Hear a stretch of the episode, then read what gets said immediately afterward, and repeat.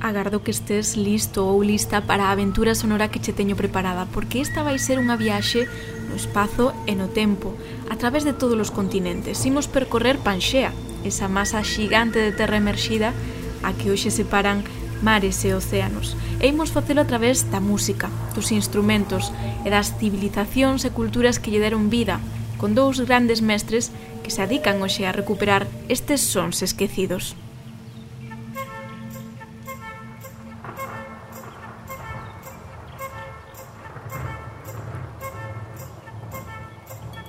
Moi boas, eu son Cristina Terceiro e isto é Viaxantas Podcast.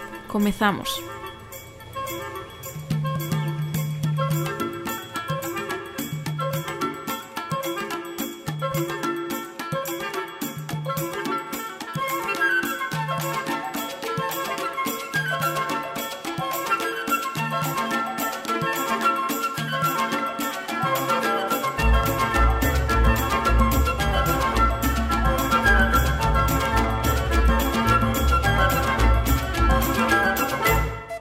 Tratándose dun episodio cun componente musical tan importante, voume permitir a licenza de omitir a nosa cabeceira habitual por esta fermosa homenaxe de Abraham Cupeiro ao ritmo e a natureza da maravillosa Suramérica. Vai a ser un episodio con moitas conexións non entre diferentes partes do mundo. Abraham é un multiinstrumentista e musicólogo de Sarria, Lugo, que como xa escoitaches, fai maxia coa música. El resucita instrumentos e sons perdidos no tempo e misturas co ritmos alleos para transportarnos a outras latitudes. Porque hai moitos xeitos de viaxar e non todos obrigan a facer quilómetros nin movernos da nosa posición xeográfica. Por exemplo, abrir o álbum familiar e repasar momentos vividos trasládanos a ese punto da nosa memoria. Ver un documental histórico, unha película, ler un libro, poden facerche sentir as emocións e sensacións que experimentaron os protagonistas en primeira persoa. Puñer esa canción especial tamén. Ben, pois hoxe imos facer ese exercicio. Se me acompañas? Música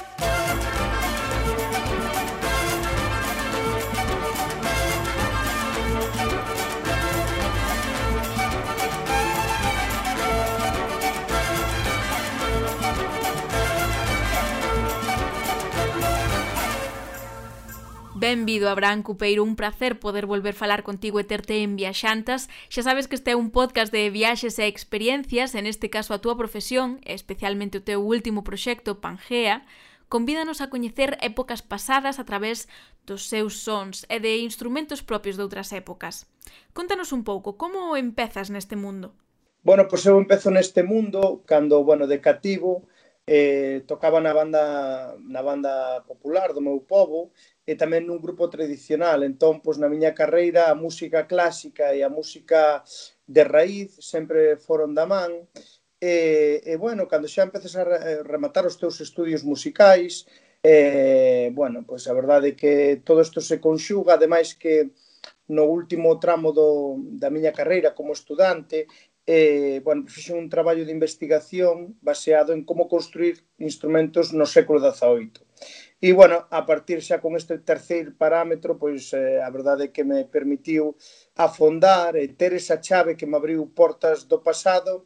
E tamén, pois como dís neste disco, Panxear non só un viaxe, unha volta ao pasado, senón tamén o poder que ten a música que en cuestión de segundos pode nos ubicar nunha paisaxe desértica, nunha paisaxe da sabana, das grandes pradeiras, eh, das montañas, en fin, a música ten, ten ese poder de facer eh, de que a mente colla unha velocidade tan grande que en, en cuestión de menos dun segundo teletransportarnos a calquer lugar do noso planeta.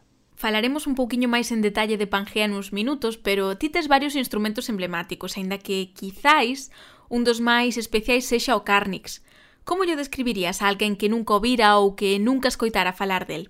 A nivel morfolóxico, o carnis é unha sorte de trompeta ou trompa vertical, é dicir, que sai sobre a cabeza do cotoca uns dous metros, máis ou menos, e que está coroado por un pabellón por onde sale o son que ten forma eh, de animal fero, esa, esa pode ser un dragón, pode ser un lobo, un xabarín, unha trompeta que utilizaban os celtas na batalla e que o seu son pode chegar a atemorizar, pero tamén está cheo de matices e de cores e de sombras e de luces tamén que nos poden levar a un discurso realmente xa non do, do pasado, nin do presente, que senón tamén do futuro. É un, ten un son um, que non recoñecemos claramente e eso fai que sea moi atractivo para o, para o vinte.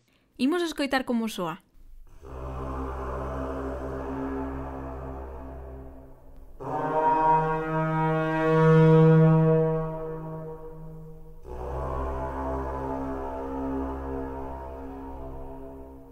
Ben, é coñecido que te inspiraches nunha moeda antiga para reproducilo, pero crees que é o máis peculiar de todos os instrumentos que tes? Creo que para min un, o instrumento máis especial é o único que non é, que non é meu, que é unha corna eh, que foi atopada no monte preto de Sarria, onde nacín eu por un señor que se chama Carlos Tallón. Un instrumento maravilloso en canto a son que evidentemente non lle fixemos ningún tipo de, de modificación, e que, e que ten, bueno, pues un, un son que é unha sorte de Miles Davis do, do tradicional, non? E, eu creo que ese é o instrumento máis, para min, que máis me chega a alma, non? E, como se dicía, o único que non é meu. Pero despois, pois, temos instrumentos de, todos, de todas as partes do mundo e tamén outros instrumentos que fabricamos, pois, eh, pois intentando alentar ese, ese evento do pasado eh, e achegalo a todos os nosos días. E deses outros instrumentos que nos falas, doutras partes do mundo, non sei se nos podes compartir algún dos máis peculiares, por se algún dos que nos escoite dende aló eh, poida ao mellor identificalo e sentirse un pouco representado tamén neste episodio de algún xeito. Sí, pois mira, dende a Austral Oceanía utilizamos unhas, unhas caracolas, unhas buguinas, que é un instrumento que utilizou o ser humano dende tempos ancestrais. Ademais, fai escasos meses atopouse unha eh, no sur de Francia onde os nosos ancestros a tocaron fai uns 17.000 anos. Eh, unha, un instrumento que está por todas as culturas do mundo pero que nós intentamos reflectir aí o que son as paisaxes sonoras do fondo mariño. Temos o julusi que é un instrumento chinés eh, de máis de 2000 anos de tradición unha sorte de tatarabó do acordeón porque, uh -huh. ainda que non se parece moito, as lingüetas que utiliza pois, son as mesmas que se utilizou cando se fabricou, se construiu e se inventou o acordeón no século XIX, Das grandes cheiras de Norteamérica traemos a flauta dos indios Hopi, o povo nativo máis antergo de América, o cuisi, que tamén é unha, unha frauta de, de Colombia, a fula, unha frauta que tocaba e que sigue tocando o povo nómada, nómada máis grande do mundo, Despois nas zonas desérticas pois temos estas chirimías, estas zurnas que teñen ese son que rapidamente parece que estás metido nunha jaima. Eh, despois está o evocador Duduk da Armenia, eh, E despois aquí, pois, por exemplo, nos balcóns eh, do confín do mundo, do que foi o confín do mundo para o ser humano do, durante moito tempo, que son os finesterraes célticos, pois temos eses dors, son unhas trompas gigantescas, aínda máis grandes co cárnix, que se tocaban en Irlanda na Idade do Bronce, as cornas de pastor, como che dicía antes, eh, bueno, pois, eh, un, un sinfín de instrumentos que van tecendo, pois, a, digamos, a, e, e, e xunguindo os diferentes territorios do noso planeta. Pois sí, unha boa paixón a que tes tamén para ir reunindo todos eses instrumentos tan prezados dos que nos falas. Precisamente nun dos teus espectáculos resoando no pasado, faz que moitas desas pezas se unan, non, de algún xeito eu interpreteino como algo así, eh, como 100 viaxes no tempo a través da música. Tin que te inspiraches e eh? que é o que a xente che transmitiu ao mellor ao asistir a eses concertos? Eu creo que mm, é unha búsqueda do, do imperfecto, de unir o perfecto co imperfecto, non? de unir eh, os seres humanos eh, a nosa característica principal é a imperfección, non? En eso radica eh, a nosa beleza eh, moitas veces, non? E, e unir estes sons que están pouco estresados, que ao mellor non son tan eh, perfectos como dos instrumentos eh, do século XX, do século XXI, eh, pero que sí que teñen esa alma que che chega, que te atravesa por dentro. Eu creo que que foi unha das características que máis impresionou a xente. Nun principio, eh, ao mellor é os, os raros que son, ou diferentes que son, Pero ese discurso acabaríase en cinco minutos, porque, como eu digo, unha imaxe é un, un instante, pero un discurso sonoro hai que mantelo durante pois, polo menos unha hora ou unha hora e media que dura o espectáculo eh, e se non funcionaran pois, o ouvinte eh, rapidamente deixaría de, de, de, bueno, de prestar atención non? e de sentirse tamén emocionado que a fin de contas é o noso cometido como artistas. E algunha reacción ou anécdota que che pasara neses concertos de alguén que che dixera, non sei, encantoume isto ou que cousa máis rara presentaches neste intre con tal instrumento? Realmente uh, sempre foron pois pues eso frases de louvance e de, de agradecemento, non? Tenme pasado incluso que algunha persoa en algún concerto me viu cunha trompeta do Tíbet que está feita dun, dun fermur de persoa, de humana. Entón, no primeiro concerto co vin intentei escabullirme non a, non a collín. Pero é que o segundo ano que fun ese sitio, porque temos a sorte de repetir bastante, eh, bueno, pois ali estaba o home, tiven a que coller. E que, bueno, son unhas trompetas que se fan, ademais de, de xente que ten unha morte, digamos, como violenta, non? Que utilizan ali son as trompetas eh, sagradas. Pero, pero sí, tamén pasado de todo, e sobre todo, o que máis me gusta é que pois que os cativos tamén se sinten atraídos por este tipo de cousas que moitas veces pensamos que viven, bueno, pois nun, nun tren que vai a alta velocidade realmente a veces o que necesitan é parar un pouco, acougar e, e bueno, creo que para min sempre o dixen o público máis difícil Pero bueno, é o meu público realmente. É o que máis che gusta? Sí, porque eh, todos levamos un pequeno dentro e esa é a miña meta, que aflorar a, a inocencia, aflorar as gañas de aprender que teñen os, os cativos non e as cativas eh, creo que é algo que nós levamos dentro que como se soe dicir vamos perdendo e por iso sempre digo que é o meu público e a mellor a veces xente que me escoite dice, pero bueno, eu teño 60 anos e dice, pero dentro que entón, Sí, e ademais é unha música moi diferente a que nos normalmente asociamos aos máis cativos. E está ben, non? Que tampouco etiquetemos certa música con un determinado tipo de xente ou de público. Coido que iso tamén é importante.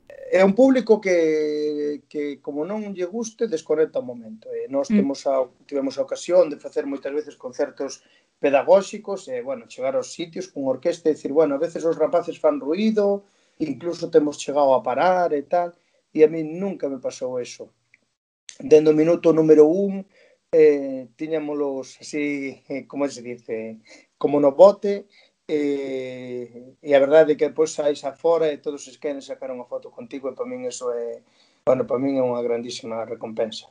Xa adiantamos antes un pouco de Pangea, o teu último traballo que para min ten algo que a todas as persoas viaxantas pois nos encanta, que é iso de poder percorrer o mundo, nesta ocasión a través de paisaxes sonoras, non? Contanos que é o que imos poder atopar nel.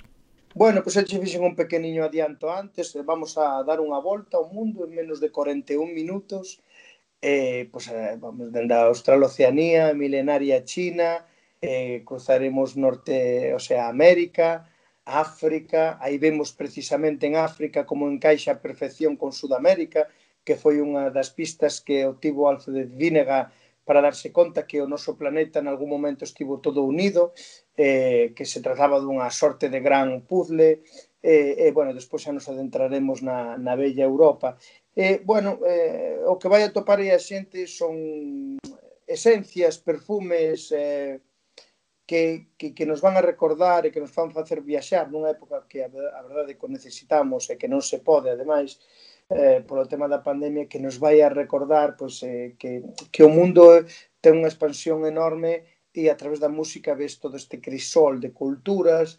Bueno, creo que é unha maneira de este humilde galego de achegarse ás culturas de outras de outros povos eh, bueno, pois, a, e aprender delas que é o máis importante. E despois a nivel, pois, eso, co escoite pois, as sensacións da xente que me fala dele que é como unha viaxe e que, e que bueno, que sobre todo se lle poñe unha pega que se lles fai moi curta. Pois é unha boa crítica, pero supoño que é difícil, non? Que se fío o conductor dun concerto ou dun traballo musical como este, eh, pois non sei, misturar, non? Culturas tan diversas, ritmos musicais tan diferentes. O que facemos son pequenas illas, eh, os, cada tema funciona como se fose unha illa, non? Uh -huh. Que sí que realmente vai conectado á seguinte illa, o orde a orde do concerto do disco é moi importante, non? Porque tes que tes que saber onde poñer os picos, onde poñer, digamos, os descansos, onde o ouvido pois xa necesita eh, non estar pois tan tan agobiado eh, e iso pois van xudando as diferentes músicas do mundo, non? Eh, pero bueno, van, digamos que que illadas unhas das outras, pero sí que conectan entre sí, non? Eh, eu diría que ao final todo está conectado en que o ser humano ten a, a mesma necesidade de eh, producir, facer música e eh, para eso necesita facer instrumentos. En moitos casos pois ves que que as ideas son diferentes, pero noutros ves que os seres humanos chegaron casi por o mesmo camiño, aínda que estivesen separados por grandísimas distancias, non? O que nos fai ver que non somos tan diferentes, senón que somos, bueno, pues somos realmente irmáns e, e todo este tema dos racismos e todo isto que xa debería de caer de caixón, de que non se entenda, pois que a música é algo que, que nos deixa todos en tábula rasa, como se soe dicir, con esa, mm. con ese atisbo de, de poder seguir mantendo a linguaxe máis universal que a linguaxe nai, que é a música. Totalmente. É unha experiencia vinculada a este disco que tivo que ser moi especial para ti ten que ver coa grabación, non? Porque aínda que foi un ano duro no que pois nos golpeou a pandemia, especialmente tamén para o sector cultural, sen concertos, eh, non sei, como é iso de gravar nos míticos estudos de Abbey Road e coa Royal Philharmonic de Londres? Bueno, o disco foi gravado 11 de novembro do 2019 no mítico estudio na porque Abbey Road ten tres salas Uh -huh. E a la dúas, digamos que a máis emblemática, a máis icónica, e ali estamos todos, ves as fotos e dices, isto non pode ser realidade, non? E, e a verdade é que foi un foi unha experiencia pois desas cousas que que se siguen saboreando e, e que saborearei o resto da miña vida porque, bueno, un chega ali con, uh, con medos de decir se estar a esa altura, pois diante dun, dunha maquinaria tan importante como é a B-Road e sobre todo a Royal Philharmonic, E, e bueno, ao final é que é moi fácil. No, o primeiro minuto foi como montarse nun avión e viaxar a velocidade supersónica desfrutando. E, e bueno, foi unha sorte que lle agradezo sobre todo a Mark Hampson, que foi un trombonista da Filarmónica de Gran Canaria, que despois de facer ali o espectáculo me propuxo que, que bueno, que estaría ben gravar isto cunha das grandes orquestas a nivel mundial. E, bueno, a verdade é que eu pensei que, que me estaba tomando un pouco o pelo, pero despois coa súa axuda, co seu, co seu contacto e todo isto, pois ao final foi realmente sinxelo. Así que eh, non sei que dicirche, é como entrar nun templo da música, do que, bueno, en pequena medida, pero xa formas parte de poder facer unha comunión musical un ensemble destas características, a min pois deume eh, pois moita seguridade a hora de abordar outro tipo de, de como se chama de proxectos e de retos, non? Eh, foi unha proba de fogo bastante potente, eh, pero bueno, foi unha auténtica maravilla. Si, sí, igual ti xa tiñas moita experiencia, non, en tocar con filarmónicas de medio mundo, vémoste, seguimoste en cada unha desas viaxes, pero bueno, seguro que tamén isto é pois unha ventá a novos proxectos, que por certo, non sei se xa nos podes adiantar algo, cal vai ser o seguinte? Sí, mira, a verdade é que é, é como unha escaleira, non? Ti para chegar ao último piso dun edificio tens que pasar polo primeiro. E o sí. primeiro non significa que sea menos que o último. De feito, o primeiro é o que aguanta o peso do edificio, non? Entón, a primeira pedra é que costa, e despois vas poñendo os ladrillos, e vas poñendo as ventanas, as portas, e ao final, pois, olle, chegas arriba e, e tes a sorte pois, de disfrutar o mellor pois, dun ático espectacular como foi nese momento gravar co orquesta Royal Philharmonic. Pois sí, hai novos proxectos, o seguinte que teño que gravar, que xa o teño aí aparcado dende fai tempo, coa discográfica é un, músicas do barroco, con instrumentos a, bueno, pois do século XVIII, moi estranos, moitos deles, un pouco volvendo a ese campo de, da música académica, que, que do que veño eu, E, e despois nada, pois eh, dentro de tres anos estamos empezando a facer un proxecto sobre mitoloxía e, e que, bueno, aí daremos aínda máis eh, renda solta a nosa, a nosa imaginación por, mm, bueno, buscar novos instrumentos, eh, novas músicas e, e bueno, vai ir un pouco o leitmotiv serán as lendas do noso planeta que tamén nos permitirán movernos tanto no pasado como no presente e no futuro, incluso, eh, porque moitas lendas perpetúanse e eh, están eh, proxectadas no futuro e tamén, bueno, pois buscando sons que e inventando instrumentos que ao final a creatividade dache moita liberdade tamén, non? Non facer somente ese, un traballo de estudio e de investigación, senón tamén un traballo de artístico, non por así decirlo. Uh -huh. Pero Lin por aí contoume un paxariño que ademais de revivir instrumentos, agora a idea é inventalos. Mais que inventalos, que sí, eh, pois eso, a través de todos estes estudos que fixen dos cárnix e tal, pois é, eh, é eh, construir unha sorte de esculturas sonoras, por así decilo, non? Eh, para que nos fagamos unha idea, eh, cando entramos nun auditorio, eh, nós porque somos moi pequeniños, pero realmente como se fose a caixa dunha guitarra, non? A caixa de resonancia dun violín, dunha guitarra xigante. Bueno, pois utilizar esa caixa, modificala, e poñerlle unha sorte de arterias que, que poidan emitir son e por aí vai un pouco a idea. Non che podo adiantar moito máis, pero por aí vai un pouquiño a idea, non? De, de buscar que casi un esteario sea como un corpo dun ser humano, onde hai órganos, onde hai venas, arterias, que tamén resoan e soan, fan fluir todo, fan, sobre todo mover o aire que hai dentro, e iso vai ser o que, o que vamos a, a traballar, non? Ben, pois para rematar agora, veñen dúas preguntas 100% viaxeiras. A primeira é, despois de tantos concertos polo mundo adiante, cantos países visitaches xa? Bueno, teríos que contar, pero eu creo que uns 40, 50 países pois xa recorrín.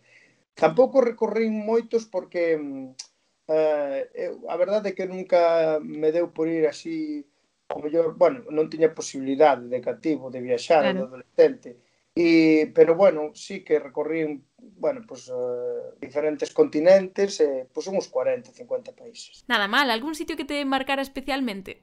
Na bella Europa quedaríame con Rumanía, pareceme un sitio espectacular, o sea, pareceme que é como unha sorte de Amazonas que queda aínda no século XXI, en, por moitos motivos, motivos patrimoniais, motivos de xente, de maneira de ser, e de cultura e despois pois a nivel natureza e tamén, bueno, porque hai unha ligazón eh, de amizade que tiven ali, pois Costa Rica creo que é algo que estás ali e pensas que é de mentira porque é que como elevado a enésima potencia todos os efectos especiais que poidas ver nunha película. Pareceme un sitio maravilloso. Pero bueno, foron moitos os sitios, eh, pero por dicirche dous, pois quedaríame con estos. Pois moitísimas grazas por estas recomendacións e tamén por acompañarnos neste episodio de Viaxantas con esa travesía que estamos a facer diferente.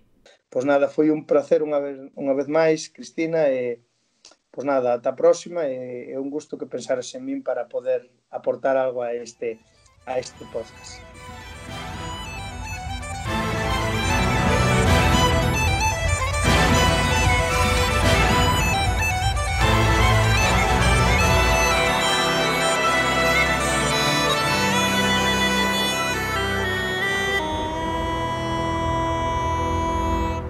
Sempre é un placer escoitar a Abraham Cupeiro. Esa peza, cargada de enerxía e forza atlántica, está tamén no seu Panxea, que se aínda non pescudastes un pouquiño sobre a súa obra, tedes que facelo. Nada máis rematar este podcast, é xenial.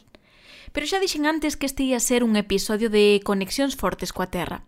Despois de todos eses lugares e músicas, agora imos mudar de perspectiva para falar do mesmo, con outro punto de vista, o latinoamericano.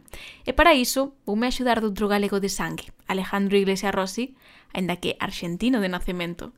El dirixe un proxecto único no seu da Universidade Nacional 3 de Febrero da Argentina, a Orquesta de Instrumentos Autóctonos e Nuevas Tecnologías, unha orquesta que traspasa un musical e que ten detrás unha reivindicación, unha mensaxe política que apela á sabedoría ancestral e rexeita a sociedade do urxente.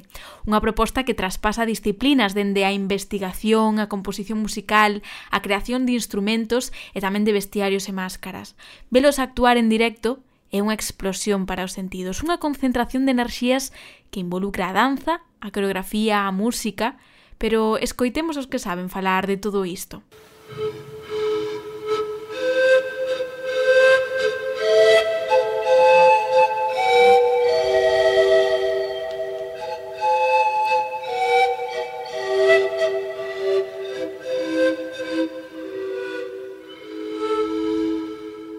benvido a Viaxantas, Alejandro. Hola, Cris, eh, encantado de estar contigo. Contanos, que necesidade biches ti e o equipo para crear a orquesta e eh, que hoxe en que se convertiu este proxecto? En un mundo en que la globalización eh, hace que los, las características genuinas eh, de las diferentes tradiciones se borren, creo que es extremadamente urgente en que recuperemos una, visión del mundo que es, eh, que es la que, de la que son portadoras cada uno de, de nuestros lenguajes, tanto hablados como escritos, como musicales, un lenguaje también que, que se expresa a través de las diferentes formas de, de culinarias, de iconografía. Es decir, eh, un filósofo argentino llamado Rodolfo Kusch lo denominó la geocultura, es decir, una cultura que está enraizada en una eh, coordinadas espaciotemporales. Así que desde el punto de vista del arte, desde el punto de vista de la música, eh, no nos parece pertinente pensar en un arte que esté desligado de sus raíces, de la misma forma que como los chamanes de América bien en claro lo tienen, las raíces tienen que estar constantemente mutando y eh, adaptándose al tiempo en el que están viviendo. Entonces, todo esto, todo este marco conceptual es lo que nos llevó a, crear el, paradigma, el proyecto eh, artístico académico en la Universidad Nacional de 3 de Febrero de Argentina, que tiene como vector eh, artístico la Orquesta de Instrumentos Autóctonos y Nuevas Tecnologías, y como vector académico la maestría en música y la licenciatura en música autóctona, clásica y popular de América. Es decir, por primera vez existe a nivel académico una licenciatura que toma lo geoculturalmente sitiado, eh, perdón, situado como el paradigma a estudiar en, esa misma, en este mismo continente, para a partir de ahí ver con los ojos endógenos lo que ocurre en otras partes eh, del universo. A orquesta sempre estivo ao obeiro da universidade, enda que dende fai uns anos, ademais é unha licenciatura disponible mesmo online dende fai uns meses. Que vos levou a tomar esta decisión? A necesidade de perpetuar o proxecto a longo prazo ou máis ben o interese dos alumnos de lonxe? El proyecto siempre tuvo una lógica, eh, lo que denominamos en Argentina federal y fundamentalmente eh, latinoamericanista. Quiere decir que siempre quisimos llegar a los diferentes eh, alumnos, que eran cientos, interesados en, este proyecto, con características únicas, y yo diría lamentablemente únicas, porque me encantaría que este proyecto realmente tuviera réplicas en, toda América, porque de alguna forma las universidades tienen eh, que pensarse como ámbitos de autodefensa cultural. Y esta, esta, esta lógica nosotros quisiéramos que fuera, que fuera ampliamente la visión que compartimos en toda América. Sin embargo, eh, te decía, lamentablemente somos los únicos que hemos planteado eh, esta visión. Entonces, eh, una infinidad de alumnos querían cursar todo este modelo que, hemos creado a partir del año 2004, pero les era absolutamente imposible venir a Buenos Aires, dejar, dejar la familia, dejar el trabajo, eh, quedarse aquí una cantidad de años. Y este, la situación que se generó a partir de, esta pandemia global hizo que repensáramos todo a partir de, esto y ver qué posibilidades había de, eh, de poder ofrecerle a todos aquellos que lo deseaban eh, e, este modelo a nivel, eh, a nivel online. Y esto es lo que ha sucedido. Es decir, que era, por un lado, lo que estaba desde el génesis de este proyecto, pero al mismo tiempo fue el requerimiento de infinidad de almas que nos pedían acceder. Ah, entonces, en este momento ya esto inclusive ha, ha sobrepasado eh, pura y exclusivamente Latinoamérica para tener este, alumnos en Europa, en, en, Estados Unidos, que por supuesto puedan manejarse con un nivel de, de, castellano fluido como para que las, las asignaturas sean comprensibles. A min unha das cousas que máis me gustan da Argentina e de Latinoamérica en xeral é ese compromiso coa cultura, co político que hai detrás de cada acción, de cada mensaxe, que en definitiva é un pouco o que nos plantexabas ao comezo desta conversa, pero se falamos de sentimentos, da parte máis emocional, a ti, como individuo, a primeira vez que conseguiches devolver á vida un destes instrumentos eh, que hai detrás da orquestra, que sentiches? Mira, es, eh, creo que es inenarrable la, la eh, transmitir, es imposible transmitir esta, esta sensación de estar cumpliendo la misión que se nos ha sido asignada, de esta misión de em, eh, poner dentro del ámbito este, académico y del ámbito artístico conocimientos que estaban vedados hasta, hasta, hasta digamos, que se me transmitieron eh, eh, desde que soy chico, eh, y, ver que esos esas, esa lógica que, que viene en una cadena ininterrumpida de hace miles de años, es susceptible de amoldarse al alma del latinoamericano, por ejemplo, contemporáneo.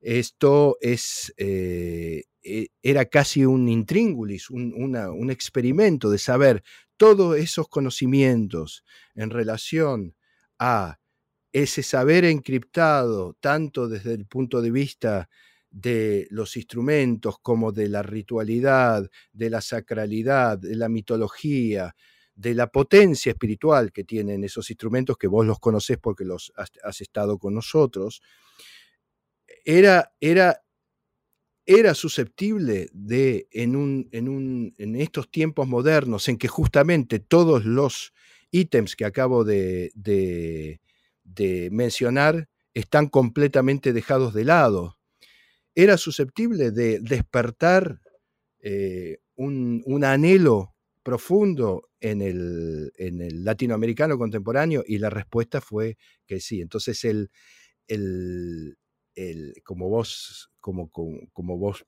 preguntás, el, eh, la, la, percepción es de eh, hay esperanza.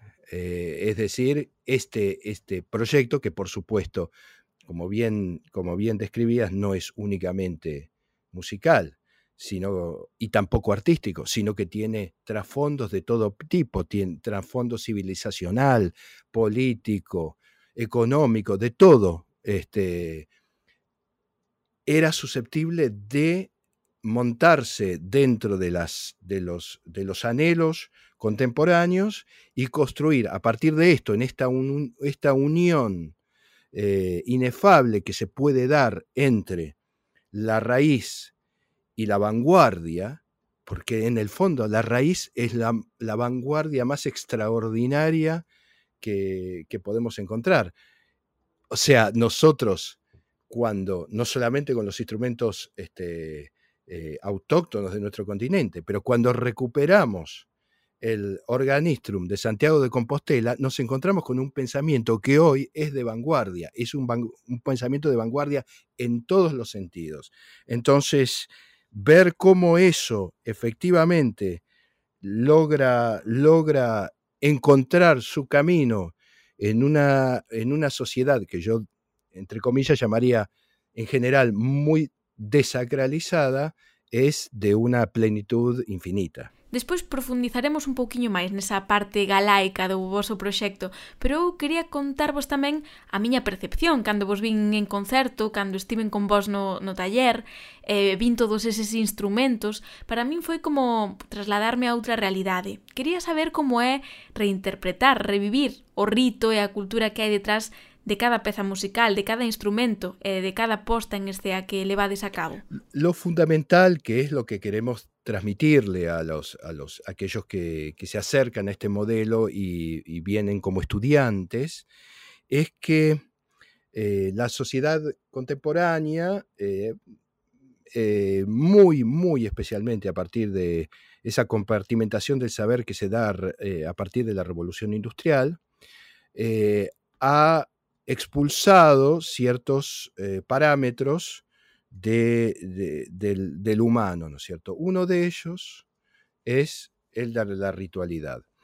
Y ha quedado para el pensamiento general contemporáneo la idea de que la ritualidad y la sacralidad son ítems que tienen que ver con ciertas culturas que los contemporáneos denominan primitivas, que están este, en, África, en algún lugar de los Andes, en Asia, qué sé yo, pero que básicamente no tienen nada que ver con eh, un occidental que, que ya ha, culminado ese proceso y ha ido hacia el futuro, digamos. Eh, lo que nosotros transmitimos es que la ritualidad y la sacralidad, que son como los pivots a partir de los cuales eh, nosotros trabajamos, es inherente al, humano y que mirando hacia adentro no podemos más que encontrarlo. Eh, una, una, una, sociedad sin ritual como diría Joseph Campbell, una, una, el, gran, el gran eh, especialista en, eh, en, religiones, este, eh, decía que una sociedad sin ritual da como paradigma el New York Times, que significa pura y exclusivamente lo que pasó hoy. Y como diría Borges, no hay nada más viejo que el diario de ayer. Mientras que las sociedades con ritualidad, con sacralidad, han permanecido durante durante siglos con una potencia que debe ser, eh, debe ser reconstruida cada vez por una, por una, por la persona, ¿no es cierto? Aquí hay un concepto que es fundamental, que es un concepto del, de, que aparece en el siglo IV en la teología cristiana, que es el de hipóstasis. Es decir, el concepto de eh, que cada uno de nosotros tiene que encontrar lo que en el Apocalipsis aparece como la piedrecita blanca, y que en esa piedrecita blanca está escrito el nombre nuevo que solo aquel que lo recibe conoce. Es decir, nuestra, nuestra búsqueda se engarza con esa misión personal eh, que el Talmud eh, eh, diría, si no yo, ¿quién? Y si no ahora, ¿cuándo?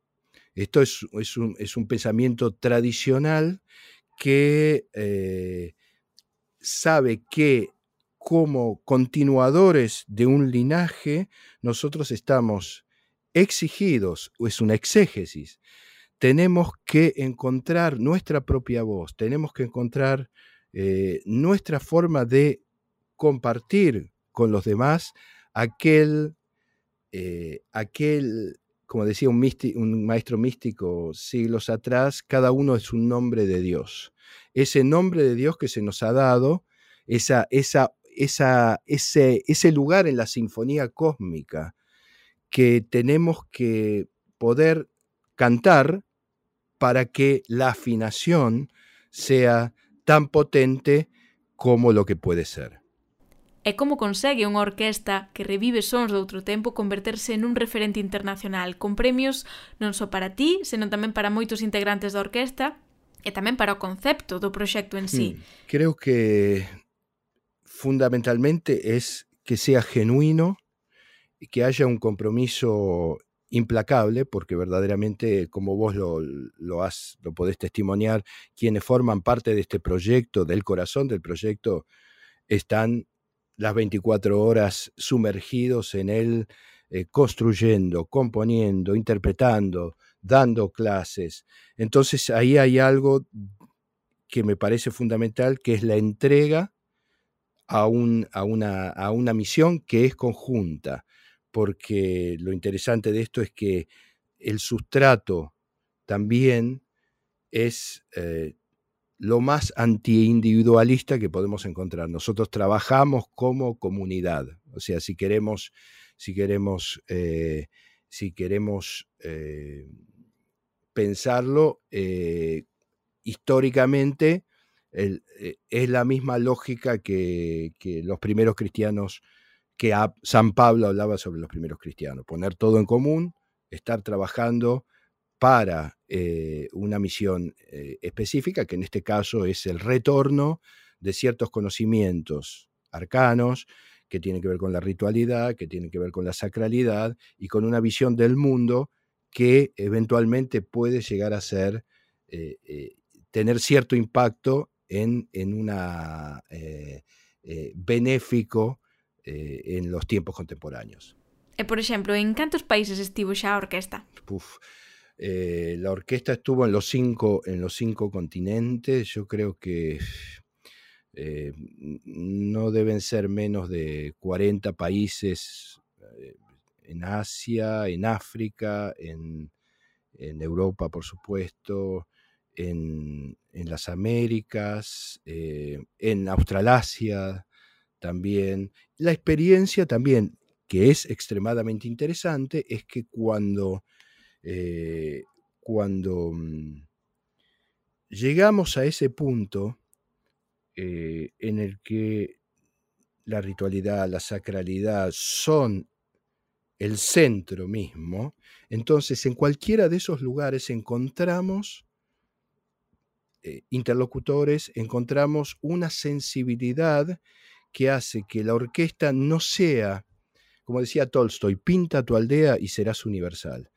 Es decir, cuando nosotros logramos ser profundamente portadores del conocimiento de nuestro continente, al mismo tiempo somos también profundamente portadores del el conocimiento de todos los continentes, porque hay una tradición primordial que luego se fue, es un, ese tronco único que luego se va manifestando en diferentes colores, sabores, sonidos, pero esa, esa, esa esa génesis tradicional es la misma. Entonces, cuando nosotros podemos lograr hacer florecer esa, esa relación directa con eh, la cosmogénesis, nos encontramos que estemos con las comunidades maoríes en, en, Nueva Zelanda o estemos con los zulúes, los maestros zulúes en el África, etcétera, hablamos el mismo lenguaje. Estamos eh, ligados al centro de la rueda y no a la periferia donde todo aparentemente da vueltas, pero por supuesto da, vueltas siempre de la misma forma, sino en ese centro inmóvil en el que todas las, las tradiciones eh, espirituales se unen. Agora te poñer un pouco nun apuro, porque eu quero saber cal deses lugares nos que actuastedes foi o máis especial, o máxico? Vasme dicir que moitos, pero ten que haber algún que destaque. Quizá te, te, puedo, te puedo responder con una frase que dijo Susana Ferrer, la, la, la co-creadora de, de, de, todo este proyecto, eh, y alguna vez me dijo, Alejandro, el concierto más especial para mí fue en el medio del desierto del Sahara, frente a los Tuareg. Dice, nunca sentí cuando estaba interpretando una obra solista que, se, que tiene por nombre Lonken, nunca sentí tal conexión telepática eh, como, como, como en ese momento. Es como si, y también teniendo en cuenta la historia de los Tuareg en el desierto y que, digamos, entre comillas, la telepatía es algo que ellos este, cultivan especialmente porque, porque es la forma de, conectarse. Dice, nunca sentí algo tan, tan peculiar como eso durante el mismo momento que, estaba cantando. Y eso que por supuesto estaba cantando en castellano, este, con, una, con un lenguaje musical contemporáneo, etcétera, etcétera, pero la, la unión. Entonces, creo que a mí me cuesta un poco pensar cuál sería, pero creo que eh, esa respuesta de Susana se acerca mucho a, a, a una respuesta correcta. Pois sí, un abrazo que lle mandamos tamén a Susana e a todos os integrantes da orquesta que persoalmente pois me axudaron moito, non, para coñecer un pouquiño máis eh, o traballo que facedes. Pero se falamos dos instrumentos, cantos ten agora mesmo a orquesta, cantos lograste de recuperar? Oh, son cientos, realmente eh, eh, en este momento es em, la colección en el mundo y en uso más, más extensa que existe. son cientos si no, si no estamos hablando de más de mil. Dime un par deles que todos deberíamos coñecer, por destacar algúns. Claro, yo creo que, por ejemplo, eh, un, un, un, video que tenemos en YouTube que tiene por nombre entonces en la escala de la Tierra, muestra la,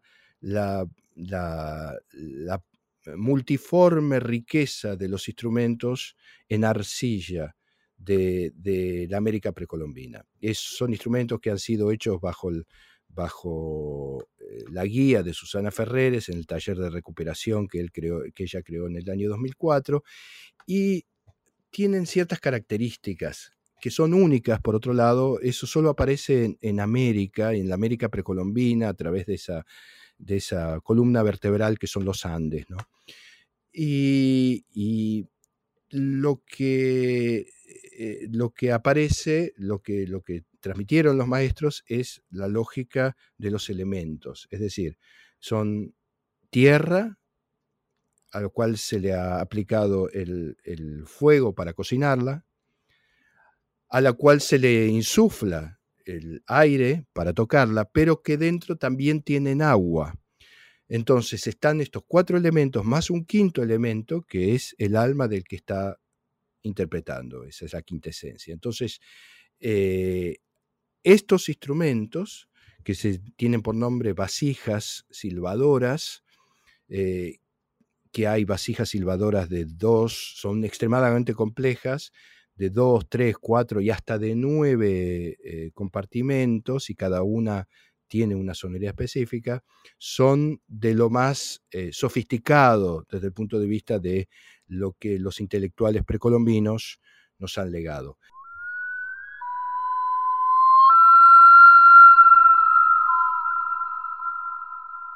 Pero junto a esto hay, existen las eh, ocarinas eh, gigantes del Valle de México, eh, eh, los silbatos dobles, triples, cuádruples, por ejemplo, de Teotihuacán, silbatos pequeños, eh, aztecas que generan lógicas científicas que recién en el siglo XX han aparecido en Occidente.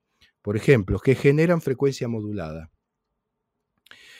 que, generan eh, ring modulation, es decir, que a través de la unión de esos dos sonidos se genera un tercer sonido eh, que es, inter eh, es, interno, es decir, es, el, es el oído interno tratando de hacer un balance entre los dos sonidos que le entran desde lo externo y lo que hace es como una especie de, de onda constante desde lo, desde lo del infrasonido hasta lo sonoro. Toda esta lógica que eh, nosotros denominamos un poco en broma alta tecnología precolombina, eh, es una parte eh, de, los, de, lo, de este conocimiento que se encriptó. Tengamos en cuenta también que estos instrumentos tienen muchos de ellos, eh, muchos de ellos son repositorios, son em, eh, encriptamientos en 3D de, um, de, eventos chamánicos, por ejemplo, de curaciones. Los huacos silbadores, es decir, las, vasijas de arcilla, tienen muchos de ellos diferentes eh, diferentes posiciones en que el chamán está curando a otra persona y con, con sonido, digamos. Eh, y esto es importante porque ellos lo usaban para transmitirlo.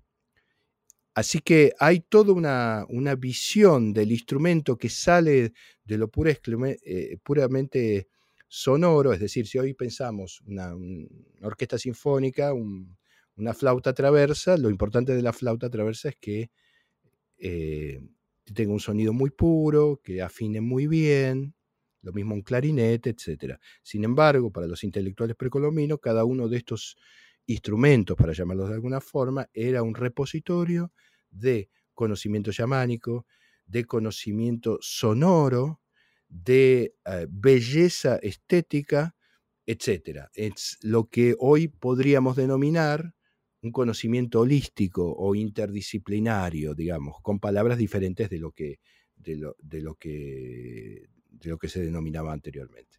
Imos pasar agora a un plano un pouquiño máis persoal, porque Iglesia Rossi, Rossi Iglesias, eu creo que tes unha das identidades máis comuns na Argentina. Como é a túa relación con esas orixes europeas e ao mesmo tempo, pois, eh, combinalo con esa conexión tan forte con Latinoamérica que percibimos con tan só escoitarte? Mira, eh, eh, voy a empezar quizá por, por lo, lo italiano. Mi, mi familia es una... Rossi viene de mm, del nombre que se le denominaba a mi familia, que es un linaje que, que viene desde antes del medioevo, que eran los especialistas de extracción y de, de, escultura de mármoles rojos. Se los conocía como los maestros de la montaña y fueron escultores y de mármoles rojos en, desde la desde el Duomo de Milán hasta eh, San Pedro en, el Vaticano, la Catedral de San Petersburgo, es decir, eran los más conocidos durante generaciones, hasta que eh, una parte de esa eh, generación de final del siglo XIX vino para acá. Pero hoy por hoy, por ejemplo, la cantera de la familia Rossi en el Ticino, que es el, sur de, Suiza, son, mi familia es suiza-italiana, eh, se convirtió en un, eh, lo compró el Estado suizo y se convirtió en, un, eh, en una herencia cultural en la que se ha hecho un anfiteatro, se ha dejado tal como está, pero se, se quiere perpetuar esa, esa, memoria de los maestros de la montaña, los Rossi. Eso es por un lado, y yo de hecho yo nací en, un, en una marmolería aquí en Argentina que tenía por nombre la marmolería suiza. Y por el otro lado, como vos bien decís, eh, es imposible que en Argentina un italiano no se case con un español. Es, eh, eh, es, la, vocación absoluta. Entonces, mi, mi, familia, los iglesias, vienen por un lado de Río Torto, cerca de Lugo, y por el otro lado de Pontevedra. Y esta, digamos, mi, mi mi, sobrenombre desde, siempre fue gallego, o sea, todo el mundo, todo el mundo me conocía por el gallego. Así que eh, estas dos, ah, estas dos eh, características que terminan dando eh, esta, esta, esta sospechosa unidad que es un argentino, este, son efectivamente dos ríos, dos, dos corrientes que en mí permanecen moi, moi, moi intensas. Precisamente a túa profesión permitiuche manter unha relación especial con Galicia e por varios motivos. Por un lado, coa recreación de instrumentos e por outro, por ese vínculo tan especial que tedes co noso gaiteiro máis universal, non con Carlos Núñez, co que xa actuastedes en varias ocasións. Como nace un pouco esa colaboración e como é traballar con el, con Carlos? Creo que de alguna forma estábamos, estábamos, este, nuestra vocación era encontrarnos. La visión de Carlos es exactamente la misma eh, que la que tenemos nosotros y eh, aquellos que no hayan leído sus, sus, sus, textos, digamos, em, eh, sobre la visión eh, profunda que él tiene sobre lo tradicional y lo moderno, realmente se los recomiendo porque son de una, eh, de una sofisticación y de una profundidad eh, extraordinaria. trabajar con, Carlos es, es, maravilloso. Para nosotros creo que no podemos encontrar a alguien que tenga una, una, afinidad, una afinidad tan profunda con todo esto, con esta con esta lógica de comprender que eh, la tradición es la vanguardia, que sin, sin, sin las raíces estamos, estamos completamente eh, perdidos y al mismo tiempo que nuestra obligación es encontrar, como lo ha hecho a nivel mundial eh, Carlos, es encontrar la forma de que las nuevas generaciones quieran acceder estén deseosas de acceder a, eh, a, esa, a, ese, a ese bagaje de patrimonio musical, pero también espiritual, de, de, de, de, cada uno de nuestras, de nuestras tradiciones. Entonces, Carlos es, todos sabemos, yo creo que por un lado es, por supuesto sabemos que es el gran gaitero que existe en el mundo, pero al mismo tiempo, como flautista, no existe otra persona que, que sea capaz, y esto es algo casi misterioso en su, en su forma de interpretar, él es capaz de lograr en su flauta aunar los sonidos tradicionales con la, con la, con la erudición de, la precisión clásica de una forma que, no, que yo no conozco sino en él. Eh, y la capacidad de hacer inmediatamente sumergir al oyente en el ritual. Eh, si yo hablaba antes de la ritualidad y la sacralidad, creo que este, cuando uno lo escucha a Carlos, siente eso. Así que imagínate que cuando nosotros eh, ensayamos juntos para tocar, era como encontrar el hermano que estábamos buscando. Vamos, que empasta ben ese son da gaita cos vosos instrumentos e as vosas formas de facer música, ¿no? Porque detrás de eso hay una reflexión, una conexión con las raíces que finalmente se plasma en, esa, en la manifestación física, la manifestación sonora, pero lo que estamos escuchando de forma holística, yo diría, es uh, todo eso que está detrás, toda esa búsqueda, todo ese amor, toda esa entrega, eh, que verdaderamente para, para, para nosotros es, este, es la piedra de toque o sea, el fundamento mismo sin el cual no tiene ningún sentido ningún tipo de proyecto.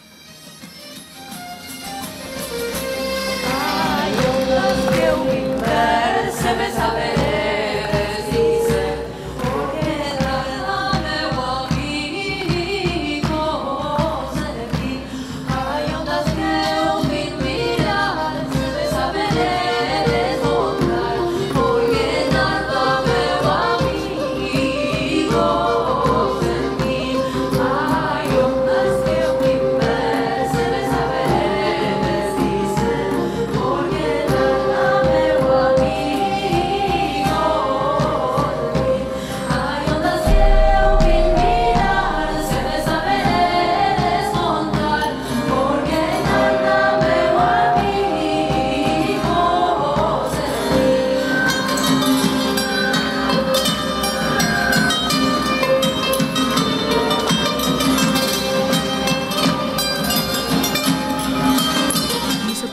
de escoitar estaban os gaiteiros da colectividade galega de Bos Aires, Carlos Núñez e tamén a Orquesta de Instrumentos Autóctonos e Nuevas Tecnologías. Antes xa nos adiantabas un pouquiño de todo ese traballo, ese repertorio que tedes ao redor, pero fálanos ti máis en profundidade, que máis podemos atopar sobre Galicia dentro da orquesta? Mira, eh, nosotros tenemos, hemos recuperado eh, y los eh, instrumentos de, mm, de, que están en el pórtico de la gloria eh, y al mismo tiempo eh, hemos tenido listo, lamentablemente justo apareció la pandemia, el, el, el ciclo completo de las cantigas de Martín Kodaks que la íbamos a presentar en concierto, pero bueno, hasta que, hasta que todo esto no pase va a ser bastante difícil. Porque todo ese mundo que propone Martín Kodaks, todo ese mundo de trascendencia, eh, todo ese mundo de los grandes amores, las grandes, eh, las grandes, eh, me viene la palabra en inglés, longings, ¿no? Cuando los grandes deseos em, son más que nunca pertinentes en este momento en que lo efímero parecería ser, y lo intrascendente parecía, parecería ser el núcleo mismo de la sociedad contemporánea. Entonces, estos instrumentos también tienen esta, esta capacidad de, como vos bien lo, decías, hacernos volver a ese tiempo en que los grandes amores, las grandes amistades, las, grandes ideales místicos eran la lógica misma del ser humano. Y realmente nuestro, nuestro, nuestra búsqueda es esa. Y Galicia tiene esa potencia extraordinaria de, eh, de ser un, un, portal, yo diría, por el que uno puede moverse en el tiempo hacia esas, hacia esas, hacia esas lógicas este, de pura trascendencia.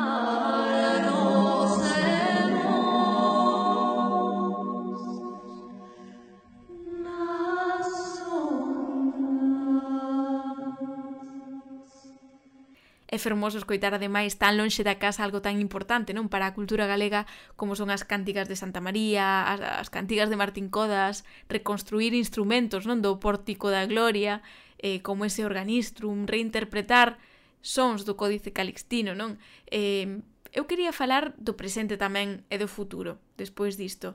Eh, xa sabemos que a pandemia vos obrigou de algún xeito a mudar un pouco os plans, pero en que estades a traballar agora? Que é o que vamos a ver no futuro sobre orquesta? En este momento eh, estamos sumergidos en la primera vez que se hace un, congreso de etno y arqueomusicología. Eh, de hecho, ayer eh, presentó una, presentamos un video de Carlos Núñez sobre Aires de Pontevedra extraordinario y con, con ponentes de, de, todo el mundo en relación a esta lógica eh, que, que, de a poco tiene que volver a la, academia, siendo que eh, fue la lógica bajo la cual se crearon las universidades en el medioevo, que es la interdisciplinariedad. Es decir, las, a diferencia de, las, de la academia moderna, las universidades del medioevo se basaban en el trivium y el quadrivium, era un conocimiento global los compositores del, medioevo, eh, si yo pienso en Perotino, Leonino, Josquin de Pré, Ockeghem, este, Obrecht, eh, etc., eran al mismo tiempo sacerdotes, cosmólogos, matemáticos. Cuando muere Ockeghem en el, en el epitafio dice que era un hombre muy versado en matemáticas, geometría, eh, astronomía y música quien haya escuchado la música de Ojem se da cuenta que si estaba al mismo nivel todo ese conocimiento, es absolutamente este, eh, extraordinario. Entonces, esta vuelta de ese, a la academia, de ese conocimiento que por un lado nosotros recibimos de Europa a través de la composición musical, eh, lo que llamamos hoy la música erudita, y que es exactamente la misma que las tradiciones de los hombres de conocimiento, de los llamanes de mi continente, eh, tienen hasta el día de hoy, es una lógica que nosotros queremos potenciar. Esa unión de esos dos vectores que somos nosotros, lo que viene de Europa y la que viene de América, las dos herencias, uniéndose en ese punto común en el que la lógica interdisciplinaria, porque es una palabra, digamos, contemporánea, pero esa, esa lógica que en el medioevo se hubiera llamado la del trivium y el quadrivium, de las artes liberales, y que en, en, eh, eh, en, en América se denomina el camino de conocimiento, es algo que queremos traer eh, nuevamente a la sociedad contemporánea. Y estos tres días para nosotros, este primer congreso, es, es esa punta de lanza en el cual se retorna a un, a un concepto en que el conocimiento es al mismo tiempo científico, entre comillas, pero también espiritual. pois si, galla que iso se cumpra pronto e que toda a sociedade volva a entender, non? Esa lóxica dos nosos devanceiros que tanto nos aportou e que mesmo tiñan tecnoloxías tan avanzadas que, como dis, aínda hoxe traballades nelas. Moitísimas gracias Alejandro Iglesias Rossi, compositor, investigador, director da Orquesta de Instrumentos Autóctonos e Nuevas Tecnologías da Universidade Nacional 3 de Febrero da Argentina. Grazas por estar en Viaxantas. Muchas gracias a vos, Chris. Siempre es un placer hablar contigo. Ben, agardo que vos gustase este paseo polo pasado a través destes sons ancestrais. Nos escoitámonos en 15 días, como sempre. Mentres, lembra que podes porlle cor a todo o que falamos en Viaxantes aquí no podcast nas nosas redes sociais. Estamos en Facebook, en Instagram ou na nosa web viaxantas.gal. Adeus. Adeus.